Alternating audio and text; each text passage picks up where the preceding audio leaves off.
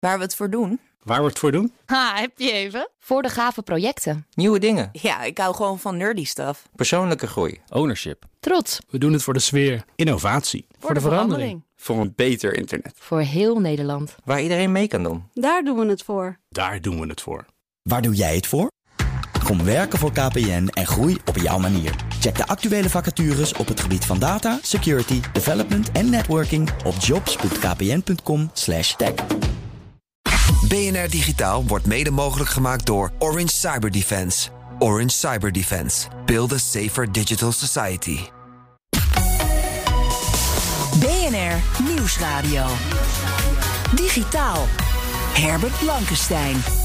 Welkom bij BNR Digitaal. Wie de nieuwste auto's, spelcomputers en zelfs huishoudelijke apparatuur wil hebben, komt de laatste tijd nogal eens bedrogen uit. Door een tekort aan microchips loopt de productie enorme vertragingen op. Welke oplossingen zijn daarvoor? Wat moeten we juist ook in Nederland doen om dat probleem op de lange termijn te voorkomen? Maar eerst een onderwerp dat daar direct veel invloed, indirect veel invloed op heeft: het beleid van onze nieuwe regering. Wat betekent de verkiezingsuitslag voor de digitale expertise in de Kamer? Er wordt nu druk geformeerd. Staan digitale vraagstukken zoals privacy, security en de macht van de techreuzen daarbij wel op de agenda? Om ons bij te praten is hier Michiel Steltman van de Stichting Digitale Infrastructuur Nederland. Welkom Michiel. We hebben winnaars, VVD en D66. Links verliest, er zijn een paar nieuwkomers. Wat betekent dit voor de digitale branche eigenlijk? Ja, spannende tijd, uh, Herbert. Erg uh, spannend. In de aanloop uh, naar de verkiezingen is er het nodige te doen geweest om digi-bewustzijn, digivaardigheid of digibetisme. Lubach wijt er zelfs een, een uitzending aan. Ja. we zijn als sector ook een beetje op de barricade geklommen, want we, we hebben wel een beetje het gevoel dat het nu of nooit is. Uh, er, moeten echt belangrijke besluiten in Nederland en Europa worden genomen over onze digitale toekomst op allerlei vlakken. En de digitale ontwikkelingen in, in, in zorg, uh, bij de overheid zelf, uh, digitalisering. Ja, maar, die, maar die verkiezingsuitslag? lange waslijst, hè? En die verkiezingsuitslag, nou, D66 heeft duidelijk een digitaal profiel in zijn programma. Dus dat is erg hoopgevend. Het was samen met de partij als Volt de partij met verreweg uh, de meeste digitale punten in het programma. Ja. En ook echt, uh, echt punten waar, uh, ja, waar, menigeen in de sector wel vrolijk van wordt. dus die analyse is ook gemaakt door Enel Digital. Die hebben daar een, een mooie overzichtje van gemaakt. En da daar zag je al dat D66 gewoon heel veel goede punten heeft. Belangrijke punten en thema's. Ja, maar er zijn. Dat geeft hoop. Ja, maar het maakt natuurlijk erg uit waar de digitale portefeuilles terechtkomen. Um, zijn er goede kandidaten eigenlijk? Voor het digitale werk in de, in de huidige Kamer? Nog geen zicht op, hè? want uh, digitale kandidaten, zo werkt het eigenlijk niet. Uh, we hebben dat de afgelopen maanden in de aanloop naar de verkiezingen gezien hoe dat werkt. He, dan heb je de verkiezings, uh, pro, de programmacommissies en de lijstadviescommissies van de partijen. Ja, en die kijken toch, het, het is toch 80-20. 80%, 80% politiek, 20% inhoud. Hè. Inhoud speelt eigenlijk zelden of nooit bij die lijsten een rol. Een rol van betekenis. En dat betekent dat mensen erop komen omdat ze de vaardigheden hebben die noodzakelijk worden geacht voor een politicus. He, kan je goed ja. debatteren, ben je goed in het politieke spel. En dossiers, daar is eigenlijk zoiets van... ja, dat doen we er wel bij. Die achtergrond, die regelen we later wel. Dat, ja, dat doen, we wel, dat doen we wel even als het zover is voor het debat. Dan gaan we wel even een uurtje ons inlezen. En dan uh, een van de Kamerleden die zegt van... ja, weet je, als ik dan uh, iets met spoor deed of zo... dan... Uh, joh, dan bel ik gewoon uh, iemand uh, van, van, uh, van Rover of zo en die praat ja. even bij. Ja, ik nou, wou net zeggen, dat geldt ook buiten het digitale domein. Hè? Daar komt het dan dus eigenlijk precies, op neer. Precies. Ja. Um, politieke bedrijven nou eenmaal. Maar er zijn wel zat digitale onderwerpen waar je je op kunt profileren als Kamerlid. Hè? De toeslagenaffaire natuurlijk, cyberaanvallen, privacy kwesties. Dus um, de, de Kamerleden zouden daarvoor moeten staan te dringen, of niet? Nou, dat, uh, dat, uh, op het moment dat er uh, directe maatschappelijke gevolgen zijn, hè, dat zie je aan het debat rond de GGD en datalekken of zo, of bedreigingen of internationale perspectieven, dan staan mensen in rep en roer. Maar onze, grote, onze grote zorg, of mijn grote zorg persoonlijk, is dat het economische aspect altijd ondergeschoven kindje is daarvan. En dat is iets wat bij digitaal ontzettend belangrijk is. Ja. De overheid heeft dat zelf benoemd. Hè.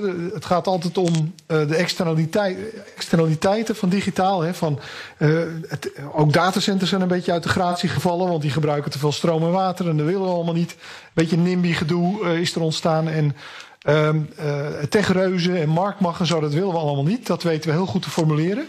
Maar wat we wel willen met digitaal, ja, dat, daar is eigenlijk maar heel ja, beperkt beleid voor. En dat is natuurlijk wel, wel, vrij zorgelijk, want je zal toch ook verder moeten met die technologie in je samenleving. Ja, want elk, elk, dossier, bestrijden.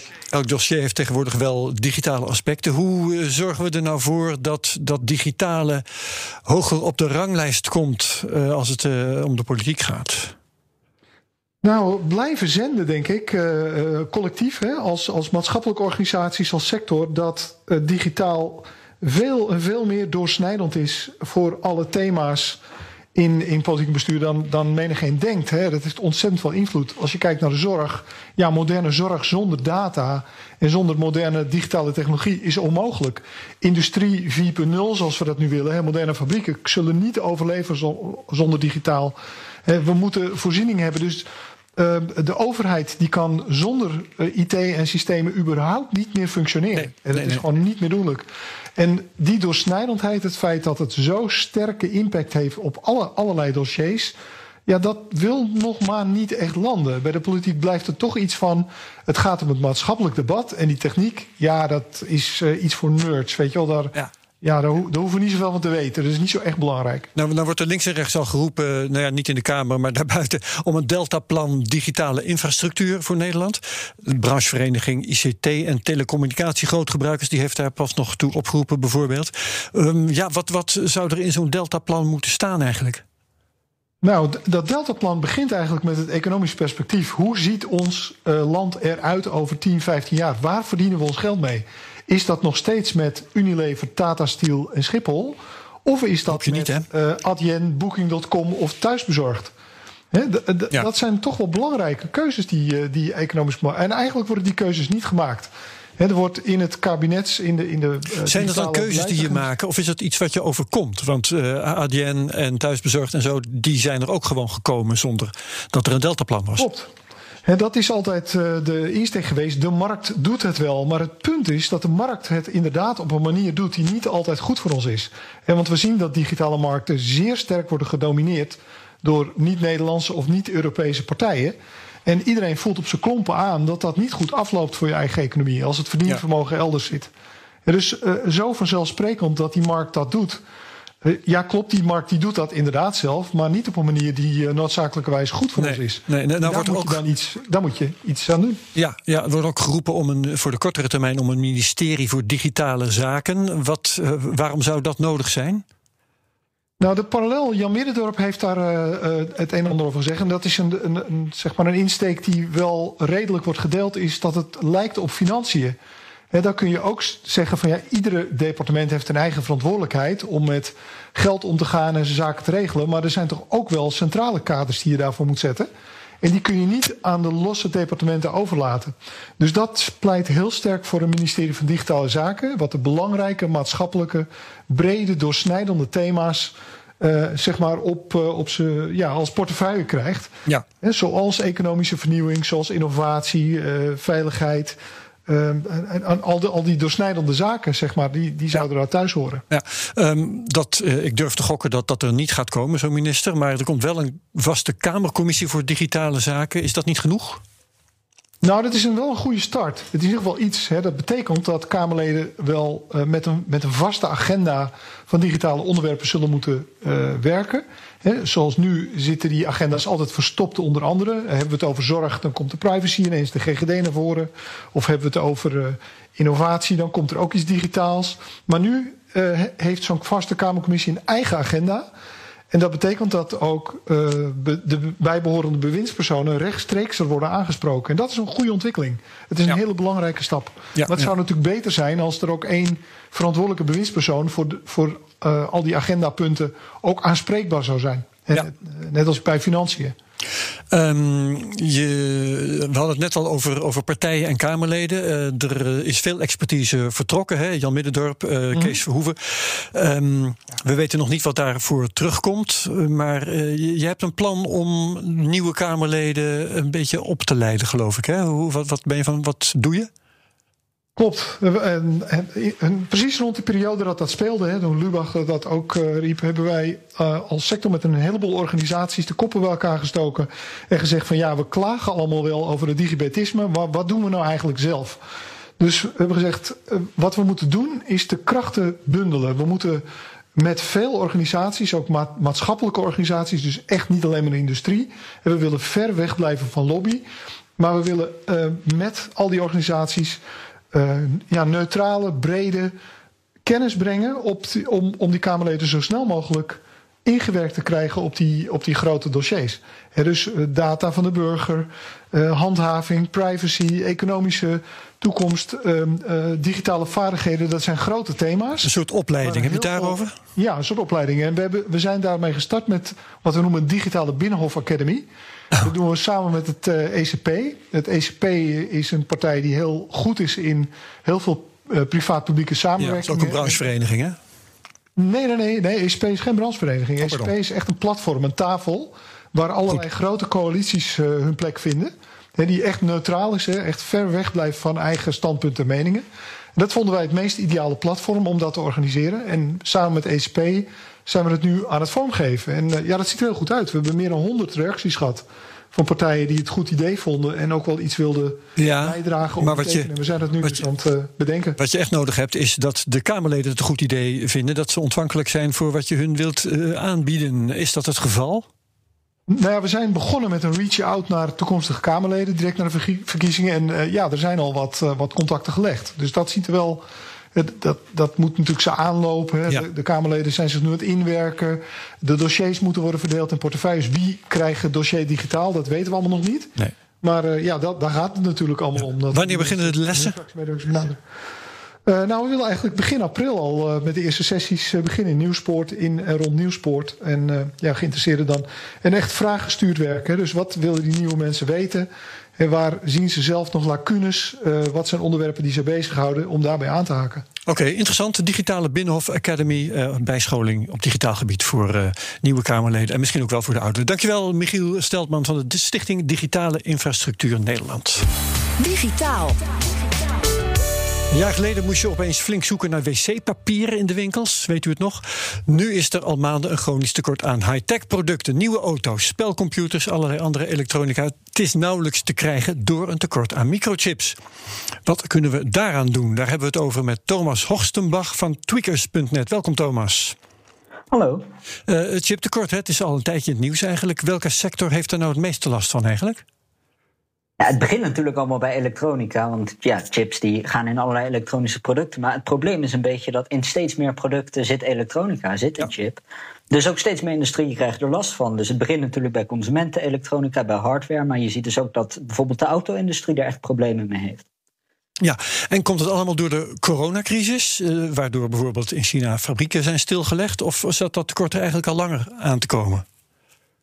Ja, het, het ligt in zekere zin wel aan corona, maar niet op de manier die je zou denken. Dus niet op de manier uh, dat, er, dat er fabrieken stil liggen of zo. Dat was misschien begin 2020 nog wel even het geval, maar nu inmiddels zeker niet meer. Nee.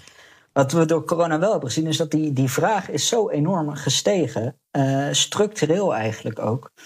Uh, dat, dat die vraagkant gewoon veel groter is dan voorheen. Dus het, het, probleem zit niet zozeer in te weinig aanbod in vergelijking met de normale situatie, maar vooral dat die vraag. vraag. sinds corona ja, veel ja, ja. is geworden. Ja, uh, president Biden heeft 37 miljard dollar vrijgemaakt voor meer chipsproductie in de VS.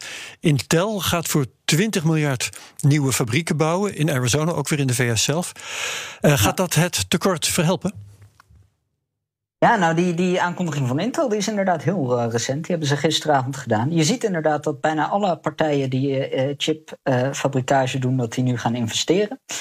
Uh, nu moeten we er wel rekening mee houden. Een chipfabriek die bouw je niet van de een op de andere dag. Bijvoorbeeld nee. die van Intel, daar beginnen ze dus dit jaar met bouwen. En die schijnt in 2024 gereed te zijn voor echt massa. Oké, okay, dus daar hebben we niks aan.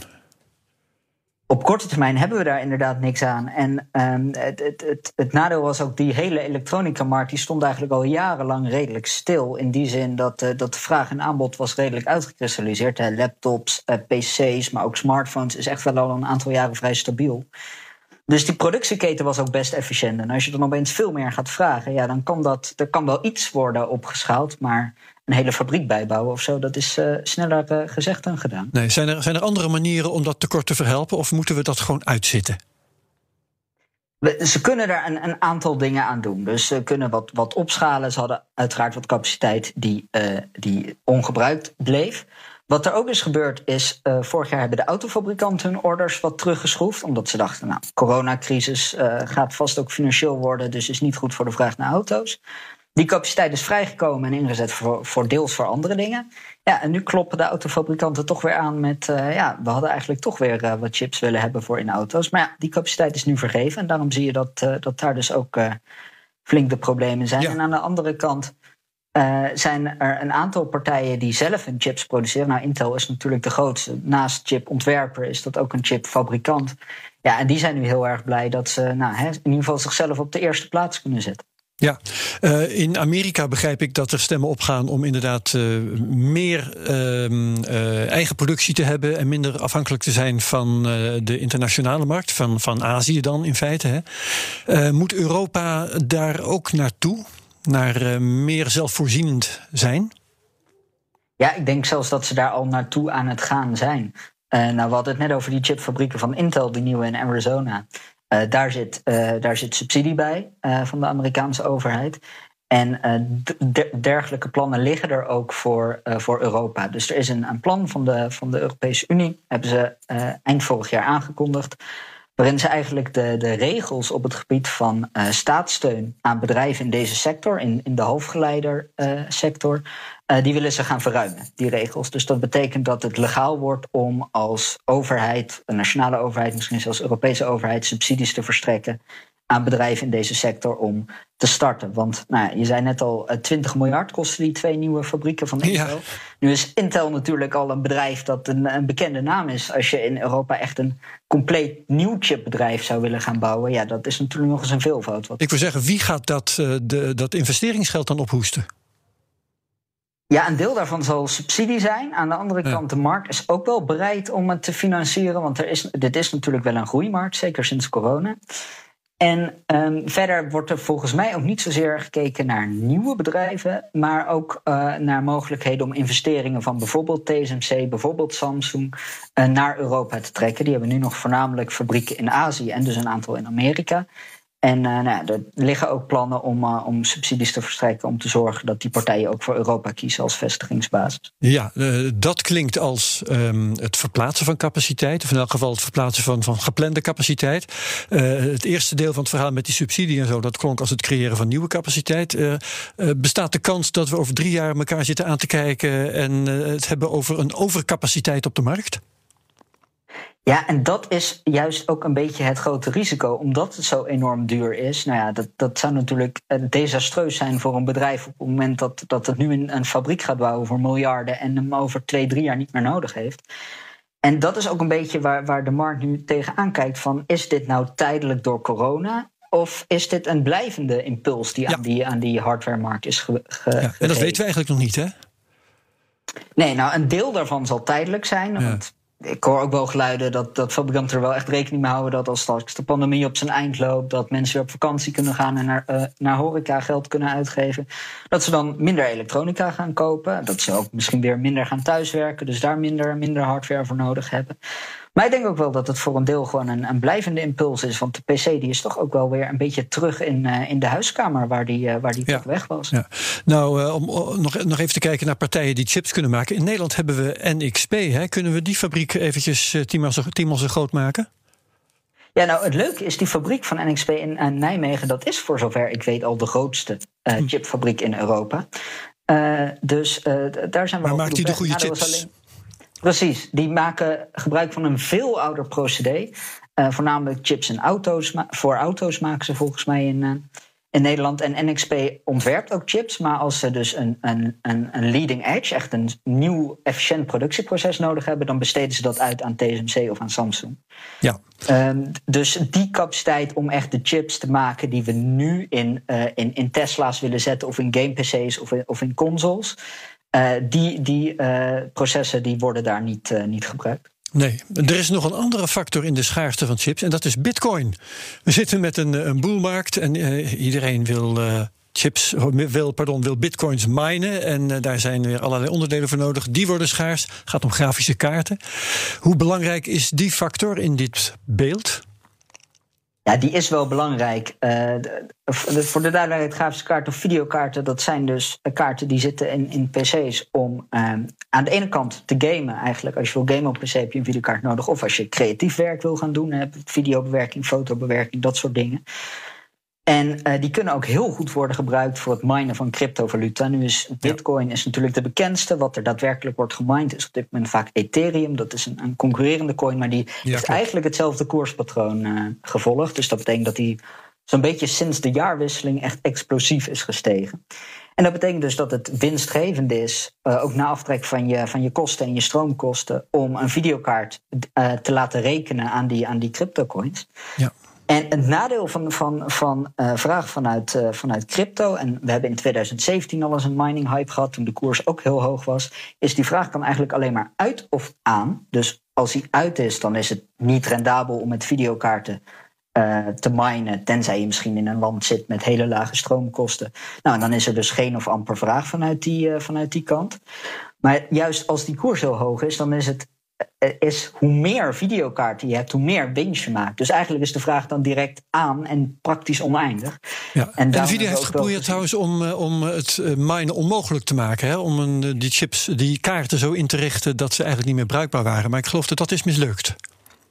Ja, ze hebben dat inderdaad geprobeerd. Dus ze hebben een, een, een, een limiter gezet op een nieuwe videokaart die ze recent hebben uitgebracht. Het idee is, die detecteert het algoritme van Ethereum mining. En uh, op het moment dat hij dat detecteert, verlaagt hij de prestaties met 50%. Nou, dat zat technisch allemaal heel goed in elkaar, wilde Nvidia ons laten geloven. Met een, een handshake tussen de driver op de computer en de firmware die op de videokaart zelf staat. Ja. Wat alleen een beetje jammer is, is uh, ze hebben voor uh, ontwikkelaars een beta-programma van drivers. En daar hebben ze per ongeluk een driver op openbaar gezet waar die mining limiter niet in zat. Ja, dat viel te heet. Um, nog eventjes uh, de, de uh, gaming-apparatuur, moet heel kort helaas. Maar waarom zijn de PlayStation en de Xbox moeilijk te krijgen, maar toch niet extra duur geworden? Ja, dat is inderdaad wel interessant. Want videokaarten zijn dus schaars, maar wel heel duur geworden en consoles niet. Dat komt eigenlijk een beetje. Het is sowieso een beetje een gegeven dat consoles vaak op of met verlies verkocht worden. Omdat ah. het, het, het, het, verdienmodel van die fabrikanten, dat zit er meer in games verkopen en abonnementen verkopen. Dus de, de hardware zelf die wordt wel eens met verlies verkocht. En je ziet dan ook dat als nu de kosten stijgen, dan pakken Sony en Microsoft die zelf op. Terwijl videokaarten, dat is een, een veel concurrerendere markt. Nou, daar speelt gewoon vraag en aanbod. En als die vraag heel hoog is, gaan daar de prijzen omhoog. Okay. En is er geen Microsoft of Sony die, daar, uh, die dat op zich neemt. Ja, duidelijk. Bedankt voor de toelichting op het tekort aan chips op de markt. Thomas Hosterbach van tweakers.net. BNR Digitaal kun je terugluisteren via bnr.nl, onze app, of waar je ook maar naar podcast luistert. En dan vind je ook mijn andere podcasts, de Cryptocast, de Technoloog en Space Cowboys. Wat betreft BNR Digitaal heel graag tot volgende week. Dag. BNR Digitaal wordt mede mogelijk gemaakt door Orange Cyber Defense. Orange Cyber Defense. Build a safer digital society. Bij BNR ben je altijd als eerste op de hoogte van het laatste nieuws. Luister dagelijks live via internet. Bas van Werven. En heel langzaam komt de zon op rond dit tijdstip. Je krijgt inzicht in de dag die komt op BNR, het Binnenhof in Nederland en de rest van de wereld. De Ochtendspits. Voor de beste start van je werkdag. Blijf scherp en mis niets.